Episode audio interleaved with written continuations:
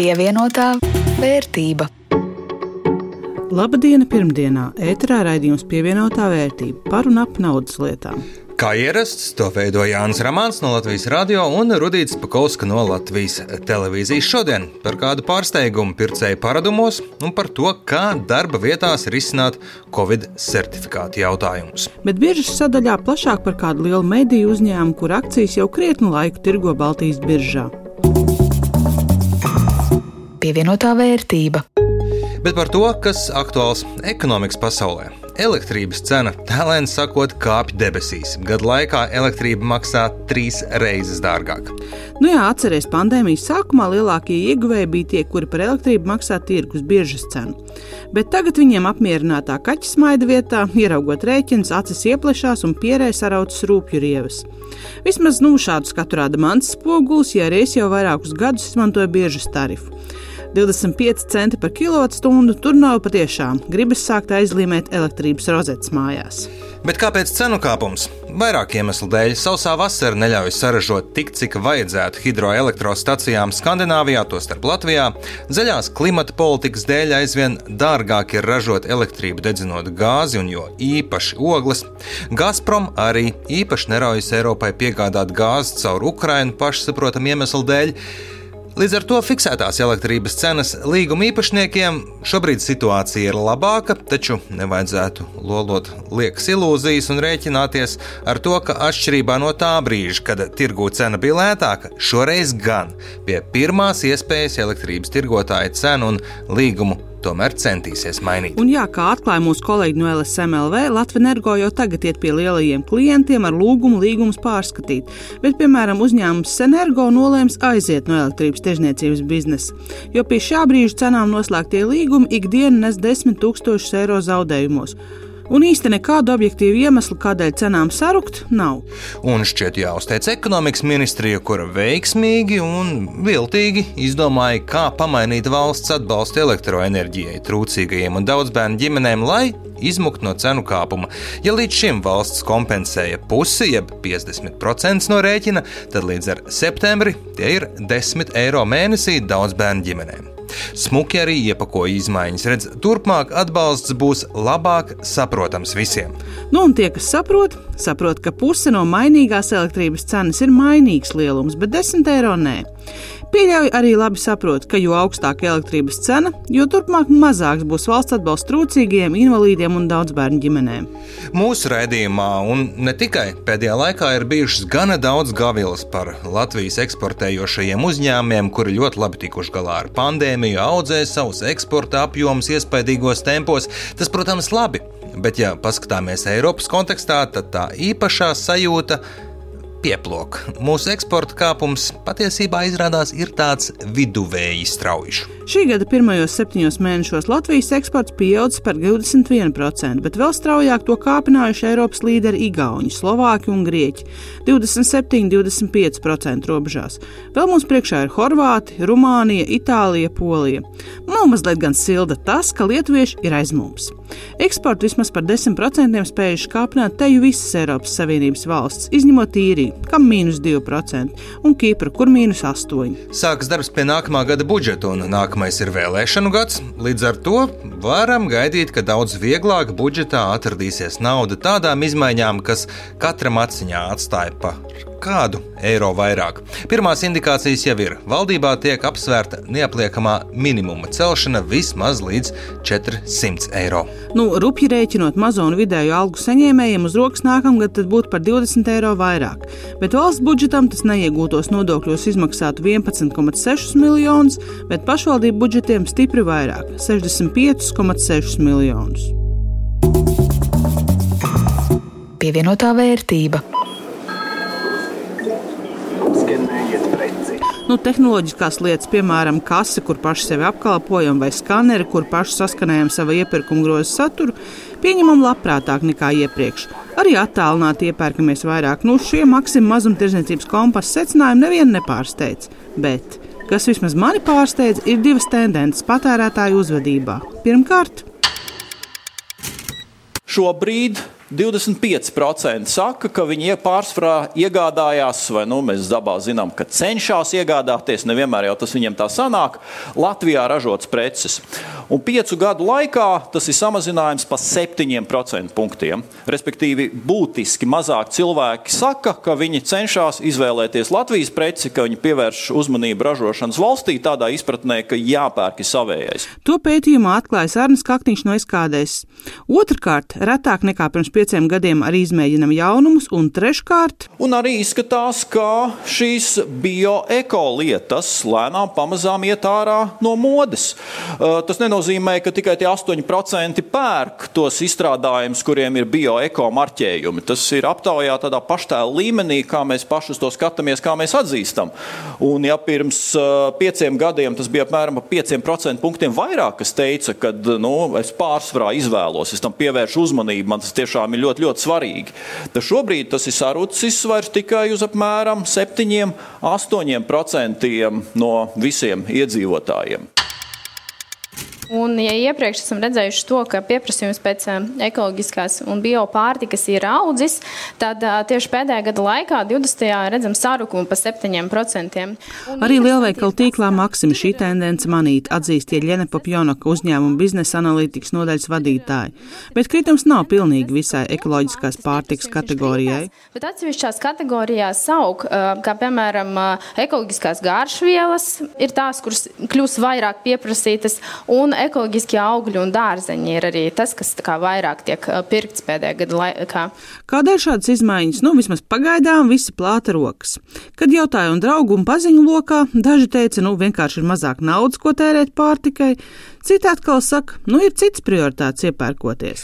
Bet interesanti, kā tas ietekmēs ar bioloģiskās un ekoloģiskās pārtikas ražošanu saistīto uzņēmēju darbību, jo tas, ka pieprasījums pēc šīs grupas produktiem aug, brīžiem jau bija mantra, kuru neviens pat īsti neuzdrošinājās apšaubīt. Nu, redzēsim, galu galā iespējams, ka šā gada kritums ir tikai tāda maza pandēmijas radīta anomālija, un jau drīz viss bioloģiskajā un ekopārtikā atgriezīsies ierastajās pieaugumsliedēs.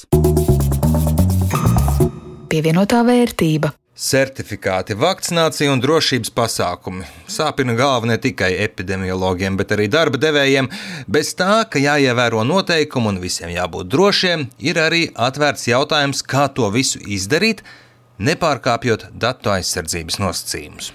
Valsts datu inspekcija pirms pāris dienām rīkoja ārkārtīgi interesantu semināru par šiem nosacījumiem. Pašu semināru var atrast un noskatīties YouTube, bet pievienotajā vērtībā valsts datu inspekcijas juriskonsul Artūra Arlovska atbildes uz dažiem biežāk uzdotajiem jautājumiem. Nu, piemēram, vai darbinieks var neatklāt, ka ir vakcinējies vai izslimojis Covid? Jā, Tādā gadījumā darba devējiem ir tiesības uzskatīt, ka uz darbinieku darba vietā nav attiecināmi epidemioloģisko prasību atvieglojumi, un darba devējs var prasīt vispārējo epidemioloģisko prasību izpildiem. Un vai vispār darba devējs var prasīt uzrādīt certifikātu? Tur atbildi ir jā, lai izveidot sarakstu ar tiem darbiniekiem, kas atbilst, bet atslēgas vārds ir uzrādīt, jo savukārt kopēt un saglabāt iekšējā sistēmā darbinieku Covid certifikātu nedrīkst. Darba devējiem nepieciešams saprast, ka Jānis Bērziņš atbilst noteikumiem. Ja? Nevis tas, ka pilnībā pārakst, kā es jau minēju, certifikātā ir noteikti ne tikai vārds un uzvārds, jā, tātad certifikātā ir noteikti arī dzimšanas datums, ar kādu vakcīnu tu esi vakcinējies, Šis nav darba devējiem jāzina, jā, tātad pārmērīga datu apstrāde. Darba devējiem ir nepieciešams vienkārši uzzināt, vai šis darbinieks atbilst. Un galu galā, vai kolektīvā drīkst runāt par vakcinācijas faktu darbiniekiem? Nu, piemēram, atklāt, ka kāds nav, nu vai ir vakcinējies. Te ir tā, ja to izdara darba devējs, tad tas var būt pārkāpums, bet. Ja pats darbinieks to ir brīvi izpaudis, jā, tad viņš pats ir piekritis un atļauj izpaust citām personām, ka viņš ir vakcinējies vai nevakcinējies, tā ir viņa brīva vēlēšanās. Ja? Pievienotā vērtība. Bet nu pie biežas lietām. Aizdītā nedēļa klusa un mierīga, nu vismaz relatīvi. Rīgā maziņš kritumiņš tas par 0,05%. Viļņā kritums par 0,75%, bet Tallinā kāpums par gandrīz pusprocentu.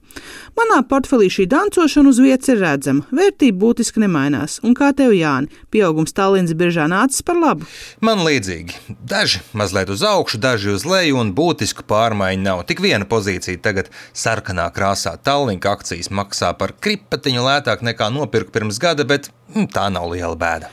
Bet šodien raidījumā plašāk par mediju grupu akciju sabiedrību Express Group. Tā ir līderis nevien savā mītnes zemē, Igaunijā, bet arī citās Baltijas valstīs. Grupā ietilpst vairāk nekā desmit uzņēmumu, kas darbojas dažādās jomās. Latvijā, piemēram, strādā portāls Delfi un biļešu tirzniecības platforma Biļešu paradīze. Un Linda Zalāna skaidro, vai ir īstais brīdis iegādāties Express Group akcijas.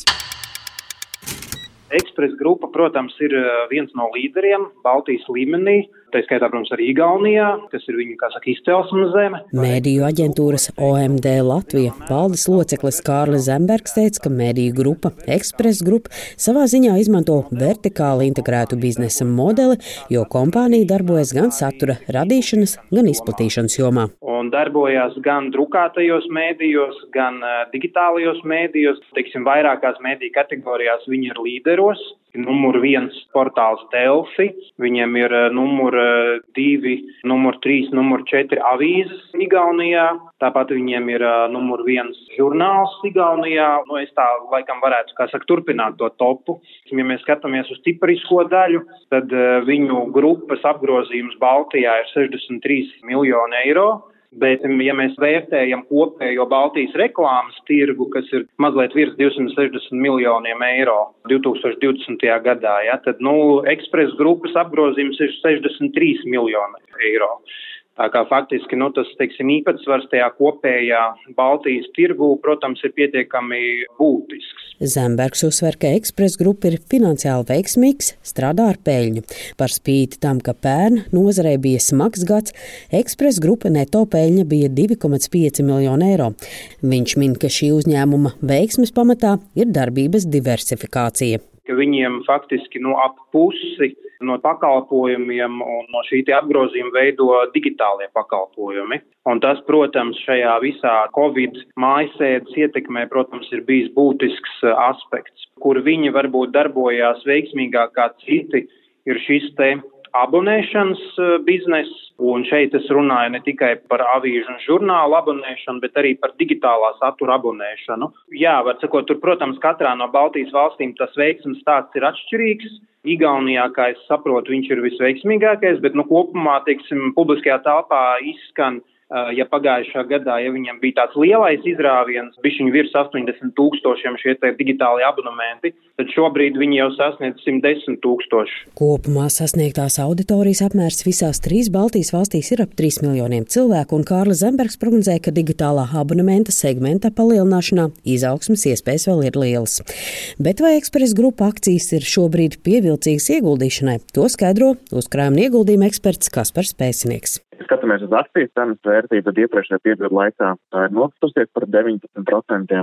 Tomēr kritums nav bijis tāds, ka viņš būtu bijis konstants un nepārtraukts. Zemākais punkts bija pagājušajā gada otrajā pusē sasniegts, un kopš zemākā punkta akcijas cena ir pieaugusi jau par 77%.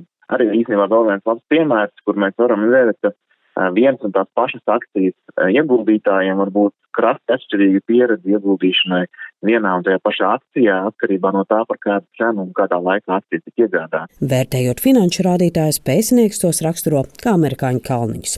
Jau 2012. gadā uzņēmums spēja sasniegt 60 miljonus eiro apgrozījumu, bet nākamajos gados apgrozījums gan traucies lejup pa kalnu, gan augšu. 2020. gadā tas bija vien par 5% lielāks nekā 2012. gadā. Pozitīvi, ka uzņēmums vienmēr ir spējis strādāt ar peļņu, tomēr arī peļņas apjomu nav izdevies kāpināt šajā laikā. Tomēr cerību vieš šī gada pirmo sešu mēnešu peļņas rezultāti. Ja skatāmies, vai akcija ir dārga vai lēta, tad cenas un peļņas attiecība šobrīd ir 8,83. Tas ir aptuveni līdzīgos līmeņos, kāds tas bijis vidēji uzņēmumi iepriekšējos desmit gados. Līdz ar to relatīvi pret sevi viņš ir nav ne dārgs, ne lēts, bet ir adekvāti novērtēts. Un, eh, bet kopumā cenas un peļņas attiecības šādos līmeņos parasti liecina par investoru vērtējumu un eh, ticību uzņēmumu spēju augt vai otrādi nespēju augt. Un tipiski augstāki šie rādītāji tad, ja ir ir sagaidām kaut kāda izaugsme, nu šajā gadījumā izaugsme īpaši netiek gaidīta. Ekspress grupa, tāpat kā citiem pasaules medijiem, izaicinājums ir Google un Facebook, kas turpina apēst aizvien vairāk naudas no reklāmas ieņēmumiem, un tas arī atspoguļojas investoru novērtējumā par uzņēmumu vērtību. Ja uzņēmumam sekmīgi izdosies audzēt abonementu segmentu, audzēt reklāmas ienākumus un, un palielināt savu tirgus daļu, tad, protams, augs arī apgrozījums, un šo visu faktoru pozitīvā ietekme atspoguļosies arī akcijas cenā. Kopumā man eksperta grupa akcijas nešķiet ieguldīts ieguldīšanai. Tās jau šobrīd ir adekvāti novērtētas. Tajā pašā laikā uzņēmums ilgstoši nav spējis uzrādīt vērā ņemamu izaugsmi. Līdz ar to, kas par spēcinieks atklāja, ka lūkosies pēc citām iespējām savu kapitāla izvietošanai biržā. Linda Zalāne, Latvijas radio. Pievienotā vērtība. Ar to arī izskan šīs pirmdienas raidījums pievienotā vērtība. To veidoja Rudīts Pakausks no Latvijas televīzijas un Jānis Ramāns no Latvijas radio. Par skaņu rūpējās Kaspars Groskops un atgādinu, šo raidījumu arī visus iepriekšējos var atrast Latvijas radio mājaslapā un arī visās populārākajās raidierakstu vietnēs. Uz tikšanos pēc nedēļas!